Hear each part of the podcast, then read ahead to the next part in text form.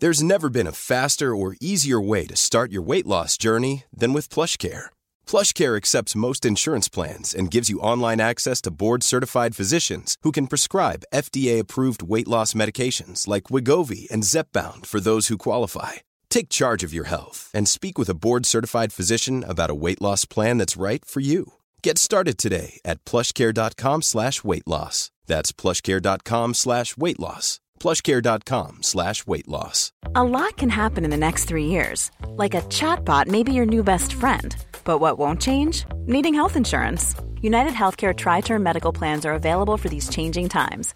Underwritten by Golden Rule Insurance Company, they offer budget friendly, flexible coverage for people who are in between jobs or missed open enrollment. The plans last nearly three years in some states, with access to a nationwide network of doctors and hospitals. So, for whatever tomorrow brings, United Healthcare Tri Term Medical Plans may be for you. Learn more at uh1.com. Many of us have those stubborn pounds that seem impossible to lose, no matter how good we eat or how hard we work out. My solution is PlushCare. PlushCare is a leading telehealth provider with doctors who are there for you day and night to partner with you in your weight loss journey. They can prescribe FDA-approved weight loss medications like Wagovi and Zepbound for those who qualify. Plus, they accept most insurance plans. To get started, visit plushcare.com slash weight loss. That's plushcare.com slash weight loss.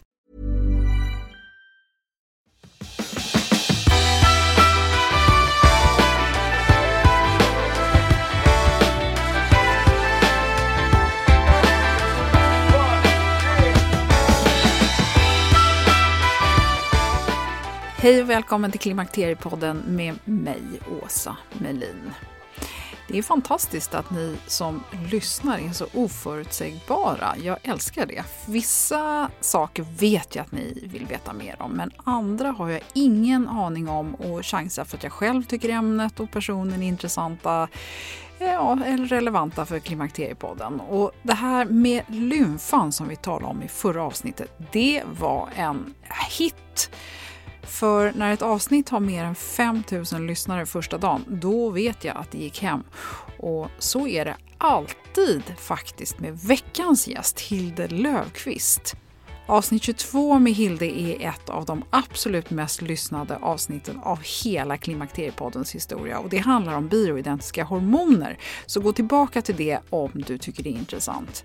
Och att det är vällyssnat, det är ju befogat. För Hilde Löfqvist är en av Sveriges absolut mest erfarna och internationellt uppdaterade gynekologer när det gäller oss kvinnor i övergångsåldern. Och med flit sa jag nu inte K-ordet, för här finns det begreppsförvirring och vi ska fortsätta samtalet om östrogendominans och förklimakteriet och tala om vad det betyder, vem som kan ha det och vad det går att göra åt det påminner också om avsnitt 164 med Mia Lundin där vi talar om östrogendominans eftersom Hild hänvisar till det här precis i början av avsnittet. Så välkommen att lyssna.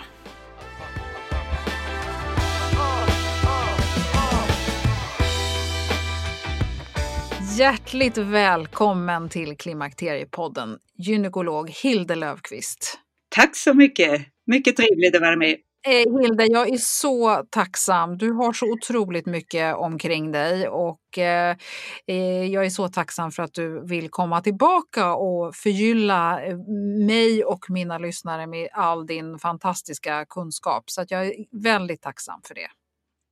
Och tack så mycket. Det, det hedrar mig så att få prata i Klimakteriepodden. ja, men det är roligt. Alltså, du har ju skrivit eh, den här boken Hormonkarusellen där jag tycker att du förklarar allting så perfekt. Och sen har vi ju dessutom gjort ett antal avsnitt tillsammans. Hur började det? Och vi har gjort eh, eh, vad händer sen? Vi har, pratat, vi har tagit lyssnarfrågor, vi har pratat om hormonkarusellen och hit och dit. Och vi tycker att vi har gjort det här glasklart, men det har vi inte. För det finns massor med frågor kvar. Och idag ska vi ta en av, ska vi säga klimakteriets eh, mysterier? Ja, alltså det finns ju väldigt mycket eh, missförstånd tror jag. Och alla dessa eh, termer också, terminologin med eh, klimakteriet och det ordet för klimakteriet som har cirkulerat. Och du, vi, vi börjar där Hilde, för nu ska vi prata om förklimakteriet och eh, jag säger lite inom parentes där, finns det? Eh, du säger ju egentligen väldigt, väldigt tydligt att stress betyder så mycket för kvinnor i alla åldrar och hormonerna påverkar ju kroppen hela tiden och jag tycker inte om uttrycket förklimakteriet. Berätta, vad, vad menar du Hilde? Ja, alltså för mig och många av mina Alltså kolleger, alltså kollegor, finns inte begreppet för klimakteriet. Det finns klimakteriet och tiden innan. Begreppet för klimakteriet gör att många kvinnor, ofta ganska unga blir, blir livrädda att redan ha hamnat i klimakteriet. Och Mia eh, Lundin har myntat begreppet eh, för klimakteriet i Sverige. Eh, och hon säger själv i en intervju, intervju med dig Osa att hon vill egentligen mynta om begreppet för klimakteriet till något, jag tror hon säger hormonell obalans. Och då menar hon en obalans mellan hormonerna östrogen och progesteron. Mm. Och eh, hon menar också att förklimakteriet inte har med klimakteriet att göra och kan vara reversibel. Så det blir ju lite förvirrande. Vad är då förklimakteriet? Vad kommer då sen ungefär? Eller vad kommer innan? Då vill jag hjälpa till lite med att titta på terminologin, alltså på eh, hur de här stora internationella föreningar har eh, sagt om de här olika begreppen om klimakteriet och menopaus och allt det här. Det är ju lite lättare på engelska, därför på engelska är menopaus menopaus och allt som kommer före menopausen, alltså den sista mensen i en kvinnas liv, då är det premenopaus, alltså premenopaus. Och det är tiden, mycket enkelt, från första menstruationen till sista menstruationen. Hela den här fertila fasen av en kvinnas liv. Det är premenopausen. Ja, och var har vi då eh, förklimakteriet? Ja, alltså egentligen handlar det ju om symptom. För man behöver kanske inte ha några symptom, men många kvinnor, minst 70 procent, upplever ju någon form av obalans och problem när det närmar sig slutet. Och den fasen, den heter perimenopaus. Den perioden kring menopausen med typiska fysiska, psykiska eh, tecken till de här så kallade övergångsbesvären. Alltså att östrogen svajar och progesteron sjunker. Alltså att äggstockarna sviktar helt enkelt. Därför produktionen är ju där i äggstockarna av östrogen och progesteron. Alltså den här perimenopausen är övergångsfasen och kallas också menopausal transition på engelska. Och eh, då säger vi eh, klimakteriet. Klimakteriet är den fas där det börjar. Vi har ju pratat om hur börjar det? Det kan vara en liten mensrubbning eller någonting. Första tecken till eh, sviktande äggstocksfunktion. Och då finns en annan klassifikation, nu blir det förvirrande, men eh, det hänger väldigt mycket ihop med fertiliteten, alltså förmågan att kunna få barn och bli gravid. Det är det här stages of eh, reproductive aging. Eh, där har vi alltså en tidig fas där man fortfarande har väldigt lätt att bli gravid. Allt stämmer. Det finns även eh, tecken på att äggstockarna eh, har många folliklar, alltså många äggblåsor och det går lätt att bli gravid. Tills det stadium där det här är några enstaka äggblåsor kvar. Och eh, biokemiska ämnen förändrar sig, alltså FSH, follikelstimulering, allt det här. Men där närmar vi oss då menopausen. Och när äggstockarna då inte kan klara av att producera hormoner längre, alltså östrogen och progesteron, då har vi då nått menopausen, alltså då blir det ju ingen mens längre. Och eh, alla dessa stadier, det är en lång process och kan vara mellan 10 år, 11 år kanske och eh, kanske några enstaka år. Så vi är så olika och det är så förvirrande med dessa uttryck. Men en sak är klar, att klimakteriesymptom påverkar många kvinnor.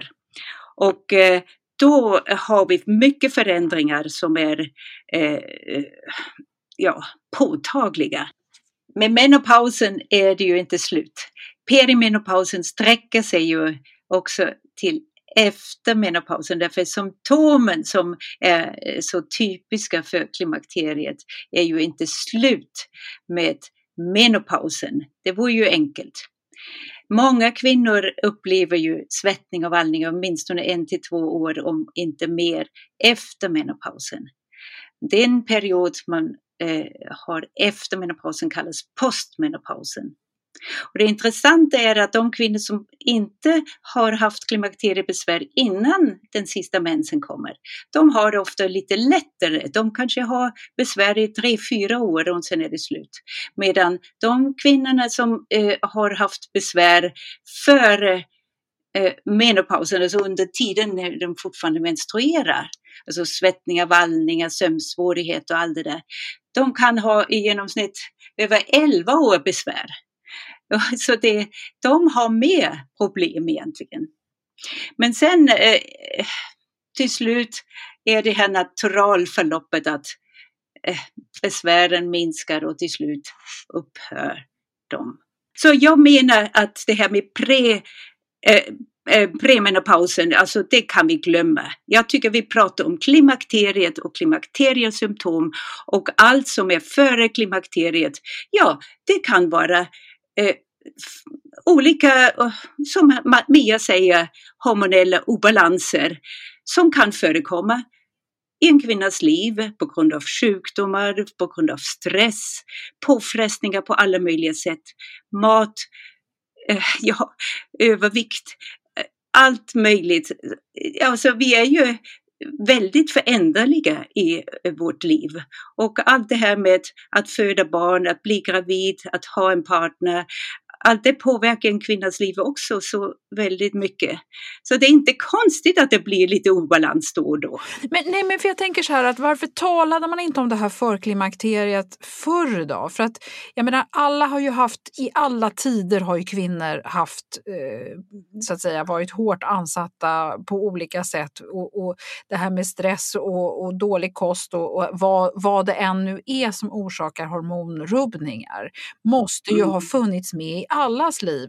Så kan vi inte liksom ändå säga att det finns en tid eh, när, från det när fertiliteten går ner tills dess vi når menopaus där man är väldigt känslig och den perioden gillar vi att sätta ett namn på. Kan man inte hamna där och det är därför som förklimakterieordet har kommit upp. Förstår du vad jag menar? Ja, men varför ska det vara för klimakteriet? Det räcker ju med att det är klimakteriet. Jo, men tiden från det att jag tänker att, att hormonerna börjar svaja, vilket ju kan vara eh, redan då typ i 40-42 års åldern om man nu kommer i normal menopaus vid 52. Vet du vad jag tror att det är felet, vad vi tänker på? Det är att vi tänker på åldern hela tiden. Det ena är alltså att vi blir naturligtvis äldre och det är en normal process att äggstockarna åldras med åren. Och det går lite fortare, lite mindre fort. Och eh, det är en ofrånkomlig process. Och vi vill sätta namn på detta, men vi är ju alla lite rädda för detta med att åldras. Det tycker vi inte om. Det tänker nog även kvinnorna i de här fattiga länderna på, tror jag. Därför tänk alltså, eh, de är ju egentligen bara värda någonting. Alltså det låter hemskt alltså, men när de är fertila. Därför det första när en flicka får sin mens är ju att oh, nu ska hon ju snart giftas bort. Eh, jag har sett en förfärlig film, alltså en fantastisk film nyligen och den heter Kapernaum. Har du sett den Åsa? Nej, det har jag tyvärr inte. En libanesisk film. Egentligen handlar det om en, en liten pojke som är så duktig och uh, vaken, 12 år. Eh, Och växa upp i en familj med jättemånga barn, fattig som bara den. Han är papperslös förstås, han har ingen identitet. Ingen i familjen har det. Men han tycker om sin syster, alltså det handlar om mycket annat också, men den scenen när han tycker om sin syster som är ja, ungefär samma ålder som får sin mens, då vill han hjälpa henne. Åh, oh, du måste, du måste gömma det här. Eh, här får du något att så stoppa under. Du ska inte visa att du blöder, för så blir du gift. Och eh, vad som händer med systern, hon blir gift och sen dör hon i blödningar under en graviditet mm. ganska snart. Och det är alltså så, eh, tänk alltså, vad vi kvinnor har det bra där vi lever här. Och vi ändå eh, Eh, Eh, är rädda för så mycket. Men dessa kvinnor där i de här länderna, de är ju alltså så måna om att oh, jag måste föda barn och jag måste eh, bevisa mig där. Men vad händer sen? Det är klart, de vill ju kanske eh, bli av med mensen så att de, det blir lugn och ro sedan. Men å andra sidan sätts deras värde på fertiliteten. Jag tänker på den här perioden, Hilde, eh, när hormonerna börjar svikta oavsett om man eh, lever med eller utan stress och så vidare. Är, är det ändå, kan vi fastställa att även förr så fanns det här, det är bara det att vi pratar inte om det. Är det så? Ja, jag tror också det fanns alltid med den här tanken och besvären mer eller mindre. Och, men vi kan ju kanske inte jämföra dagens stress och då dagens stress.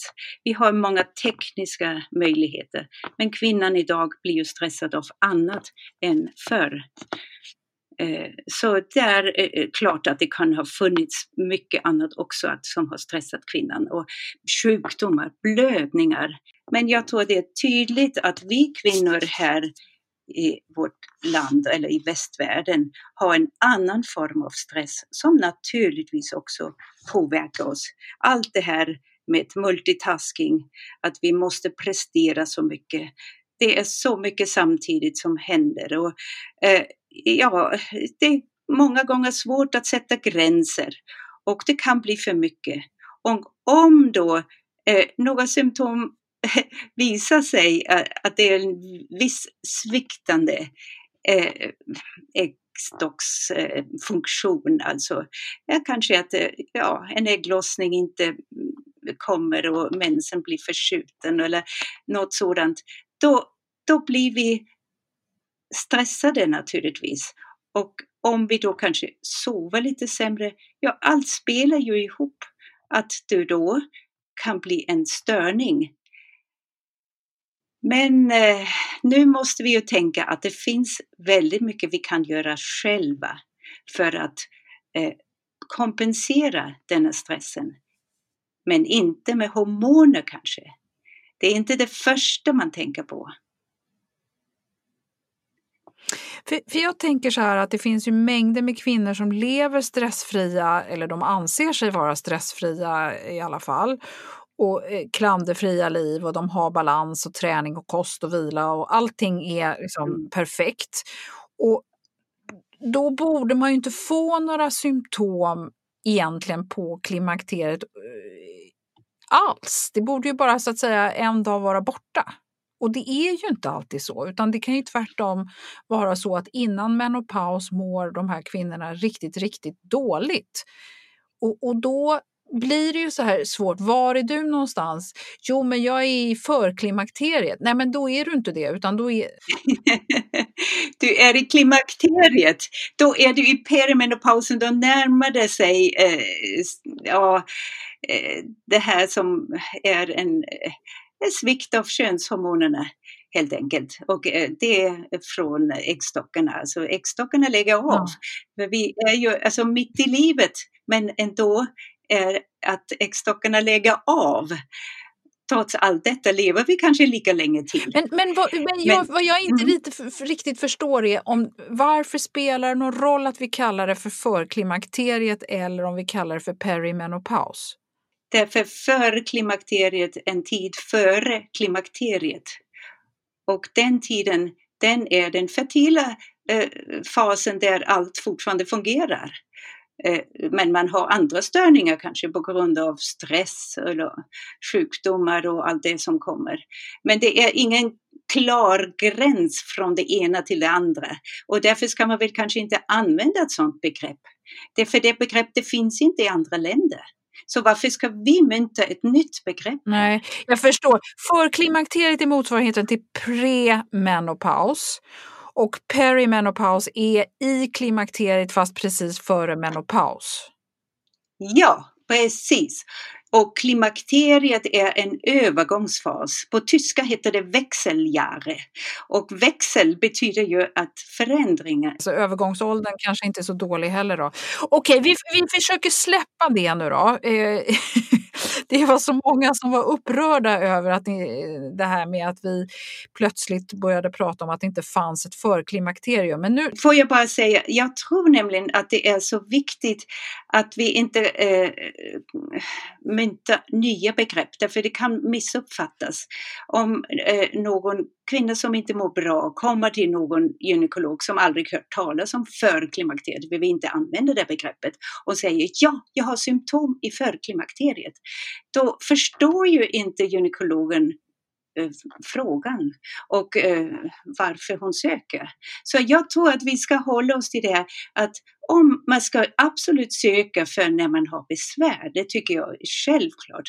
Men då kan det ju vara olika orsaker till det och så ska man reda ut det här. Men inte stämpla att det är kanske eh, en fråga om åldern eller en fråga om eh, äggstockssvikt eller något sådant jag tror att det är viktigt att man har inte så mycket fördomar om allt detta.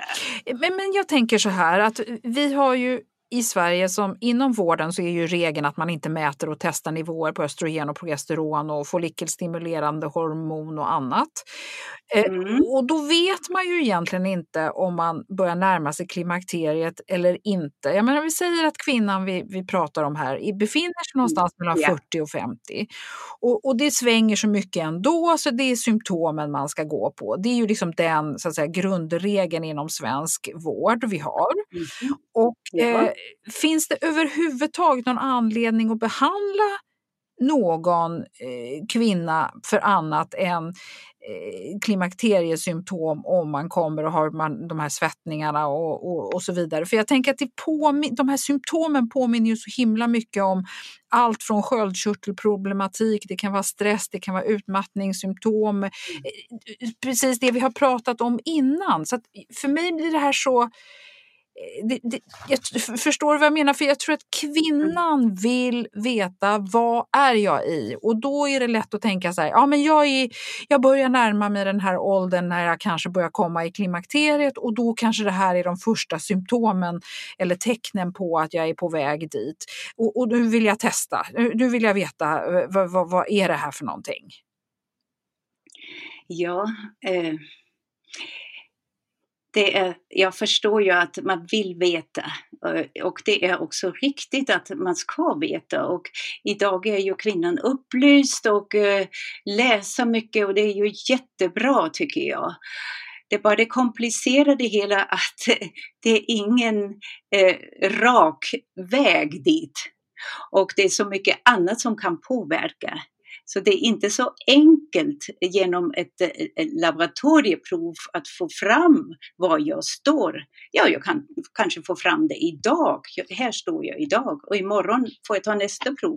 Och så eh, tar ju kvinnor ibland eh, eh urinprov och salivprov och så. Ja, då ser man kanske över en längre tid.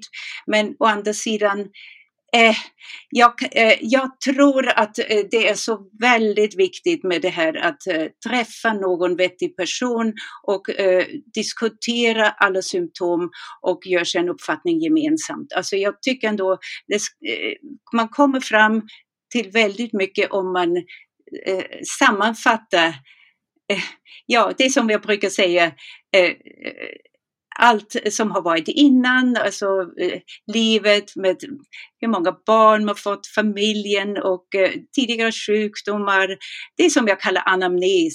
Alltså det betyder så mycket. Eh, och sen står jag här och nu, ja vilka besvär har jag nu?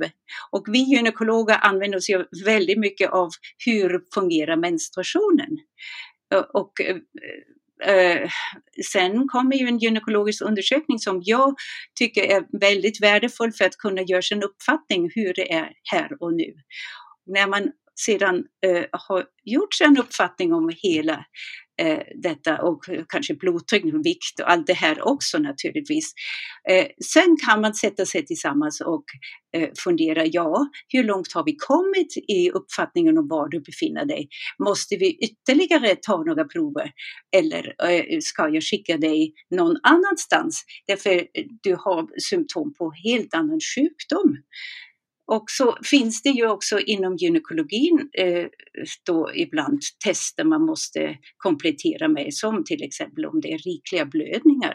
Ja, det kan ju vara annat som döljer sig bakom rikliga blödningar som cellförändringar. Så att det blir ju vävnadsprover. Så jag tror det är mycket som hänger på det här första mötet och alla besvär som kan väldigt, vara väldigt varierande tills man kommer till den här punkten, jaha, det och det och det och sen går vi till nästa steg. Och nästa steg är ju kanske provtagning. Då eh, kommer man vidare eh, när man har fått analysen av det. Och eh, då får man ett återbesök och eh, då kanske man kan börja inleda en behandling. Och så eh, går det vidare.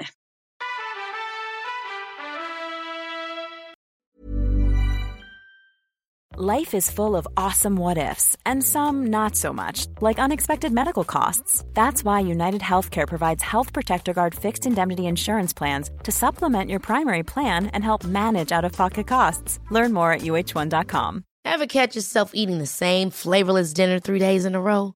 Dreaming of something better? Well, HelloFresh is your guilt free dream come true, baby. It's me, Gigi Palmer.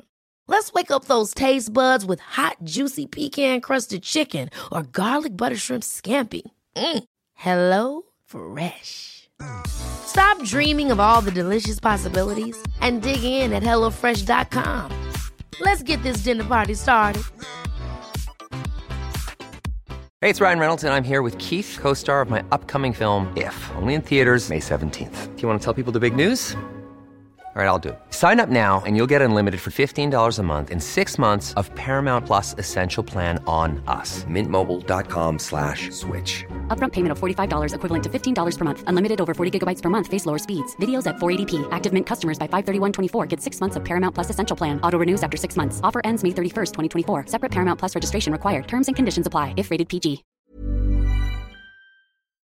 Det är härligt att klimakteriets tabu äntligen är på väg bort.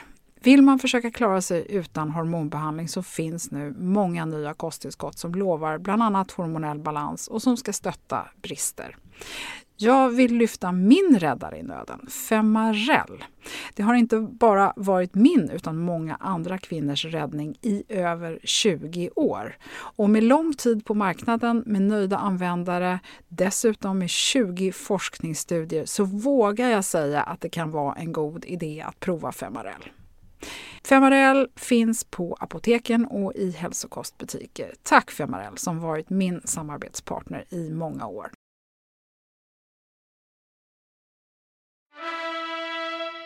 Men eh, då förutsätter ju det här att man träffar en gynekolog. Det är ju station nummer ett då, eh, om man misstänker att man är i den åldern där klimakteriet kan ha börjat göra sitt inträde. Och det i sig är ju inte så himla lätt. Ja, varför det? det? Det är väl inte så svårt? Nej, men alltså, jag får ju så mycket meddelanden från kvinnor som bor runt omkring i landet, framför allt de som bor på landsbygden eller bor man mm. norrut i landet. Vart ska man ta vägen? Ja, en förstående allmänläkare kan komma långt också. Därför, alltså, det som en allmänläkare kan, han eller hon har ju en, en utbildning med i bredden och har lärt sig om många andra sjukdomar som vi kanske som är så specialister inte eh, tänker på så mycket. Så att eh, jag tror en allmänläkare är inget alls eh, dåligt alternativ. Nej. Det enda alltså att det här med gynundersökningen, då får ni remittera vidare till en gynundersökning om, om, om man inte kan göra det själv. Mm. En kunnig eh, läkare är inget fel, alltså det tycker jag, vilket som helst, men det måste vara en intresserad läkare. Som, eh, framför allt är det ju också, som jag påpekar, det här samtalet, att man ändå tar reda på alla eh, störande Eh, Eh, faktorer som påverkar hälsan. Och där tror jag att man som kvinna är bekänt av att ha fört dagbok, att man har skrivit upp och man är noga, noga förberedd inför det här besöket och det här mötet så att man tydligt, liksom klart kan redogöra för varför man är där. För det här tror jag är ett jätteproblem, att i stundens hetta så blir man nervös och man glömmer bort sig och, och så plötsligt så, så kommer man därifrån och kommer inte ens ihåg vad, vad man har sagt och inte sagt, eller hur? Ja, jag förstår. Och sen är det ju ett problem att det är oftast väldigt kort tid. Mm. Alltså det är ju ett problem inom sjukvården överallt. Vet jag, alltså, jag ser det ju i andra länder också. Det är inte bara Sverige. Vi har ju inte en ganska gott om tid. Alltså en gynekolog här har 25 minuter. Det är inte så dåligt egentligen. Alltså i snitt Nej. för ett första besök. Men eh, om det är bara 5-10 minuter då kan man inte komma långt, tyvärr. Nej. Hilde, jag vill att vi också pratar om det här andra ordet som är förvirrande, det vill säga östrogendominans. Ja, just det. Det var det. Ja, du kommer inte undan, jag är ledsen. Ja, nej, nej, nej, nej. Det, det, är, det är bra. Det är också väldigt viktigt. Därför östrogendominansen, eh, det är också att vissa kollegor tycker, åh, oh, det vill jag inte höra om.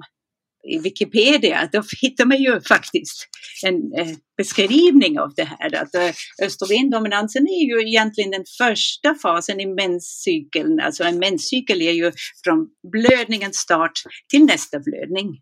Och från blödningens start fram till ägglossningen är det en östrogendominans, därför då finns inte mycket progesteron knappast någonting. Därför äggstocken har ju inte börjat producera progesteron. Men efter ägglossning blir det en progesterondominans. Eh, alltså, men det är ju bara, tycker jag, ett uttryck som man kan definiera. Men sen är det ju, vad är då mer östrogendominans? Alltså om man tänker sig eh, kvinnor som eh, är i perimenopausen nu eller klimakteriet och har oregelbundna menstruationer och eh, eh, ibland inte ägglossning, de har ju en progesteronsvikt. Och då är det ju en relativ östrogendominans om man vill säga så. Sen finns det olika uttryck eh, med en östrogendominans eh, eh, hos kvinnor som är överviktiga. Och då har vi kvinnor i eh, fertila fasen och i den eh, fasen efter eh, menopausen. Eh, överviktiga kvinnor menar jag.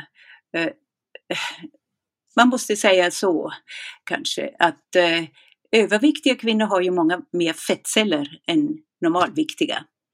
Och dessa fettceller är eh, eh hormonproducerande organ och I dessa fettceller finns det ett enzym som heter aromatas och aromatasen kan omvandla eh, manliga hormoner till kvinnliga hormoner. Och det är fantastiskt egentligen att det finns, alltså, men det blir för mycket av det goda.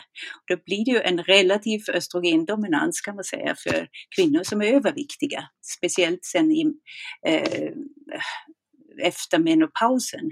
För då är det mer påtagligt eh, för före menopausen är ju äggstockarna ändå så pass starka att de producerar östrogen.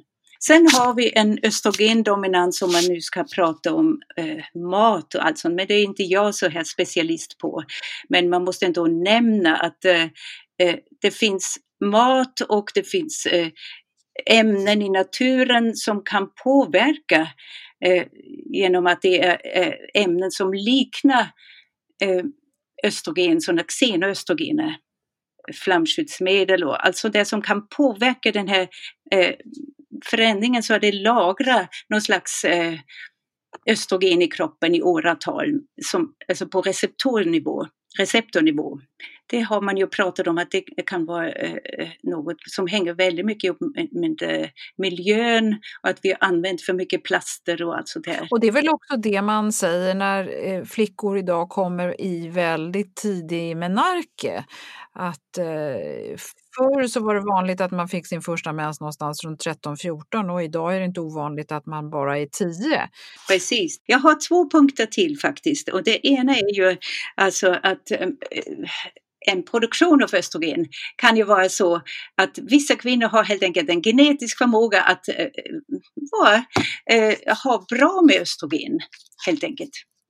Alltså, de har alltid äh, mycket mens, alltså det, de byggs upp mycket slemhinna och eh, ja, brösten eh, är mer svullna och så. Alltså, eh, det är helt enkelt att vi är väldigt olika. Det skulle jag nog säga att det kan vara en genetisk variant. Och eh, det finns ju kvinnor som menstruerar ända fram till 60 års ålder. Så det är också en slags östrogendominans. Därför den här senare fasen mellan 55 och 60, då är det ju inte många gånger en ägglossning också. Så det är ju en viss progesteronsvikt och en östrogendominans. Men de kanske inte lider av detta. Sen det andra är ju också nedbrytningen av östrogen. Att eh, det måste vara så att eh, östrogen som kommer i kroppen måste ju bearbetas, alltså, eller som kommer in i kroppen genom behandling förstås, men det här normala som produceras av äggstocken eller ja, vad, eh, vad det nu blir, eh, eh, eh binören också, där alltså Eh, måste ju östrogenet, eller östron, östriol, eh, det finns ju de här olika eh, former av östrogen, det måste ju brytas ner och det sker i levern och den metaboliseringen eller den nedbrytningen kan ju vara lite störd. Och då anhopas ju det och det cirkulerar lite längre. Så där har vi också någon slags östrogendominans. Så det är inte så enkelt. Nej, och då är eh, min fråga, Ska man behandla östrogendominans oavsett var den kommer ifrån? Alltså om kvinnan lider av eh, den så kallade östrogendominansen, alltså att hon har rikliga blödningar, bröstspänningar, eh, andra tecken på vad det nu kan bli, då måste man naturligtvis behandla. Det tycker jag. Mm, okay. Speciellt när det gäller en progesteronsvikt samtidigt. Men jag tänker kvinnor som är överviktiga måste ju naturligtvis tänka på att gå ner i vikt, det är det bästa det första. Och bara för att vara lite tydlig där då, BMI är kanske inte världens mest perfekta måttbenämning, men vilken typ av övervikt pratar vi om här? Ja, alltså BMI över 30. Okej, okay, så vi snackar inte om några de här berömda 3 till 5, 10 kilorna utan nu pratar vi om ordentlig Nej. övervikt. Ja. ja, naturligtvis. Ja. Och sen om hon lider av, av det här också. Mm. Okej. Okay. Mm. Ska vi släppa östrogendominans? ja jag tycker det är eh, lite svårt, för eh, jag tror ändå att eh, det viktiga man måste tänka på är välbefinnandet. Alltså återigen, vi kommer liksom tillbaka till det här att det ändå är så här, det är symptomen som är det viktiga. Man ska inte bry sig så himla mycket om var man är eller var man inte är eller var man står eller vart man är på väg eller hur mycket mm. eller hur lite, utan hur mår du? Det är det viktiga. Mm. Och att reda ut om det finns symptom på att det kan finnas en sjukdom eller eh, för klimakteriet, hur man än vrider och vänder på de här olika termerna och dominans cancerna och hit och dit, eh, så är det ingen sjukdom. Däremot om man har, eh, så kan det finnas andra saker som, som faktiskt behöver behandlas och därför så finns det ju inget mm. fel i att ändå uppsöka en läkare och ha en diskussion. Det, det tycker jag ändå ja. att vi har kommit fram till. Ja, precis. Och då kommer man ju fram till, är det eh, någon form av sjukdom eller är det eh, början eh, till hormonsvikt? Och där har vi nu östrogen som kan faktiskt vara ganska på en hög nivå just i perimenopausen. Det går upp och ner. Och då är det ingen idé att mäta östrogen egentligen. För det, det vet man ju att det svänger så mycket. Men däremot kan det ge besvär med svettning och vallningar. Så kvinnor som har så mycket östrogen kan ha mycket klimakteriebesvär. Och eh, då kan man ju behandla och jämna ut det med progesteron. Det tycker jag är absolut rätt. Mm. Okej, okay, men det, det, här är ju ingenting man kan mixtra med själv utan det hör vi ju tydligt här att man måste ha en samtalspartner. Du, eh, jag är eh, ganska nyfiken ändå på en sista sak här. Du är ju väldigt för det här med naturliga eller bioidentiska hormoner som är regel i Sverige när det kommer till östrogen eller östradiol som är det man tillsätter med all form av eh, systemisk östrogenbehandling. Men eh, Kommer man sen till det som är livmoderskyddet, progesteronet, så är kemiskt gestagen mycket vanligare än bioidentiskt eh, progesteron nu nämns ju faktiskt bioidentiskt progesteron i Svensk förening för obstetrik och gynekologis rekommendationer, men det är ju ändå så att många allmänläkare och även gynekologer runt om i landet, de vägrar ju skriva ut det här. Och det blir ju eh, extra knepigt har jag förstått för de stackars kvinnor som bor norr om Uppsala eh, i det här landet. Så, och det är ju rätt många. Eh, och hur kan det vara så? Jag vill bara att du som läkare kan berätta för oss, hur, hur kan det bli så här? Ja, jag har arbetat som gynekolog sedan eh, ja, början av 90-talet och eh, varit med om alla dessa svängningar med eh, olika hormonpreparat och det ena efter det andra kom och det var fantastiskt. Och, eh, jag tycker både syntetiska och eh, eh, icke-syntetiska eh, hormoner har ju ändå varit till väldigt mycket hjälp och eh, har behövt sättas in i det enskilda fallet. Så att det, det, finns så mycket kunskap i alla dessa år, då är det inget svart och vitt, att det ena bara bra och det andra inte alls. Och om det skulle varit så dåligt med alla dessa syntetiska preparat, då skulle de ju ha satts Eh, eller satts ut eller försvunnit ifrån marknaden för länge sedan. För farliga är de inte, det är bara att det är en relativ eh, skillnad. Alltså, det är klart, om man Titta på forskning, det, då har man ju kommit vidare och då, då går man ju lite mer mot det här eh, mer naturligt, mindre bröstproblem, och, eh, allt det här som man lär sig med åren. Men i det enskilda fallet kanske inte gör sån här vansinnigt stor skillnad. Därför menar jag, alltså eh, även om det inte finns bioidentiska hormoner uppe i Norrland, då går det ju ändå att behandla klimakteriebesvär och man ska ju inte avstå från det som läkaren skriver ut, tycker jag. Man ska testa, men går det inte, ja då får man ju prata med doktorn i frågan eh, att det här inte var bra och då får man ju byta till något annat och till slut kommer man ju till det här bioidentiska kanske ändå. Men det finns ju andra varianter som hormonspiral och liknande. Alltså det finns ju alltid något när man resonerar och vill hjälpa. Eh, så jag menar alla dessa preparat som vi har inom SFOG har sitt berättigande ändå.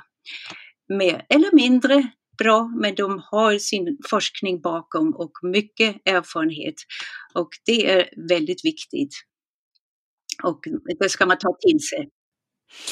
Sen får man väl kanske inte glömma heller att man ändå trots allt måste eh, till viss del lita på den här läkaren. Att eh, hen faktiskt har satt sig in i dig som patient och försökt avgöra vad som så att säga är bäst för dig enligt eh, hens egen erfarenhet också. Det kanske inte bara är så att det no man kanske inte bara ska se det som att någon sätter sig på tvären och att man inte får det man vill och så är man upprörd över det. Naturligtvis tycker jag ju att den här läkaren ska kunna eh, motivera eh, sitt så att säga, beslut vad gäller eh, för, föreskrifter för, för just dig som individ. Men är det, mm. tycker du att jag tänker rätt?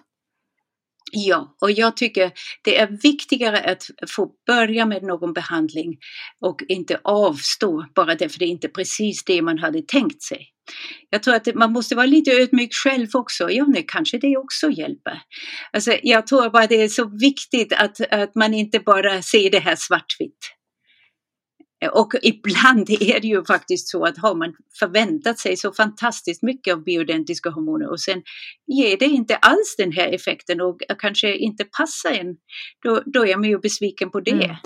Så att, eh, jag tror att där, där man eh, måste resonera rätt och det är väldigt mycket erfarenhet gynekologerna överallt har och även allmänläkare, de har ju lärt sig ändå en del eh, om hur man behandlar. Det ska man nog försöka lita på, tycker jag. Mm. Mm. Okej, nej men bra. Och sen har man alltid rätten att avstå som sagt. Och som vi har pratat om många gånger så blir man, man blir i alla fall inte sjuk av att ha klimakteriebesvär. Eh, din, eller ja, det kan man bli, men, men eh, det, det är ju egentligen grunden till klimakteriebesvär eh, är ju inte att man blir att man förvärrar någonting genom att inte behandla det. Och vi ska inte glömma bort att det är trots allt en försvinnande liten del av alla kvinnor i Sverige som väljer att ta någon hormonbehandling överhuvudtaget. Vi är fortfarande inte uppe i mer än ungefär 7% av alla kvinnor som väljer någon form av systemisk eh, hormonbehandling för sina klimakteriebesvär. Så att eh, den siffran är eh, väldigt låg, eller hur? Ja, då tycker jag det är egentligen väldigt synd. Därför där kommer vi ju till den här punkten att vi, eh, många kvinnor lider i onödan. Och det är eh, fel, det är synd. För det skulle kunna vara så mycket lättare. Därför tänk om man sover bättre, man har inga svettningar och eh, livet återvänder och det känns som förr igen. Det är verkligen mycket värt. Därför det är tillräckligt med belastningar i livet ändå. Mm. Okej. Okay. Hilde, lyckades vi? ja. Jag hoppas det. Det var lite förvirrande med det här med eh, eh, eh, äh, äh, för klimakteriet och klimakteriet och äh, nomenklaturen. Men jag tror man ska inte tänka så mycket var befinner jag mig. Ja, det är en, en dynamisk process och livet går vidare och det går upp och ner och man får ta det som det kommer. och jag tycker slappna av, tänk på att det finns så mycket mer man kan göra. Man kan ju så eh, tänka på eh, ja, att det finns så mycket vackert i livet, andas ut. Eh, kop, eh, alltså stressa av med någon vacker upplevelse.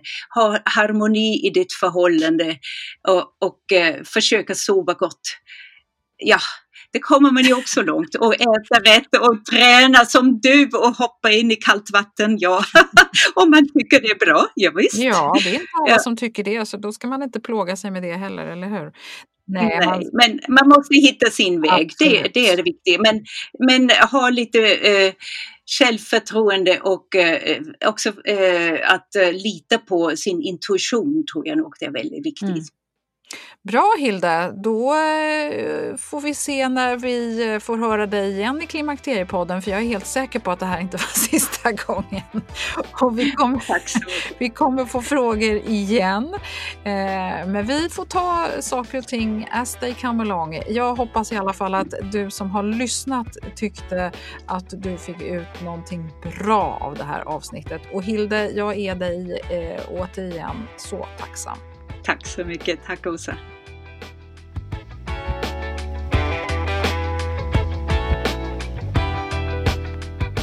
Ja, men hur gick det här då?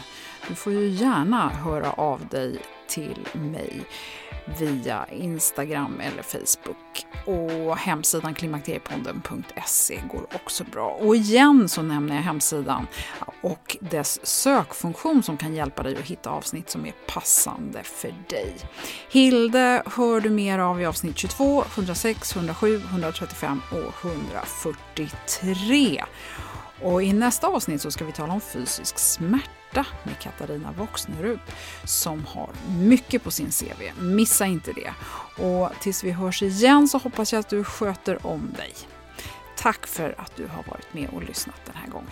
Hej då!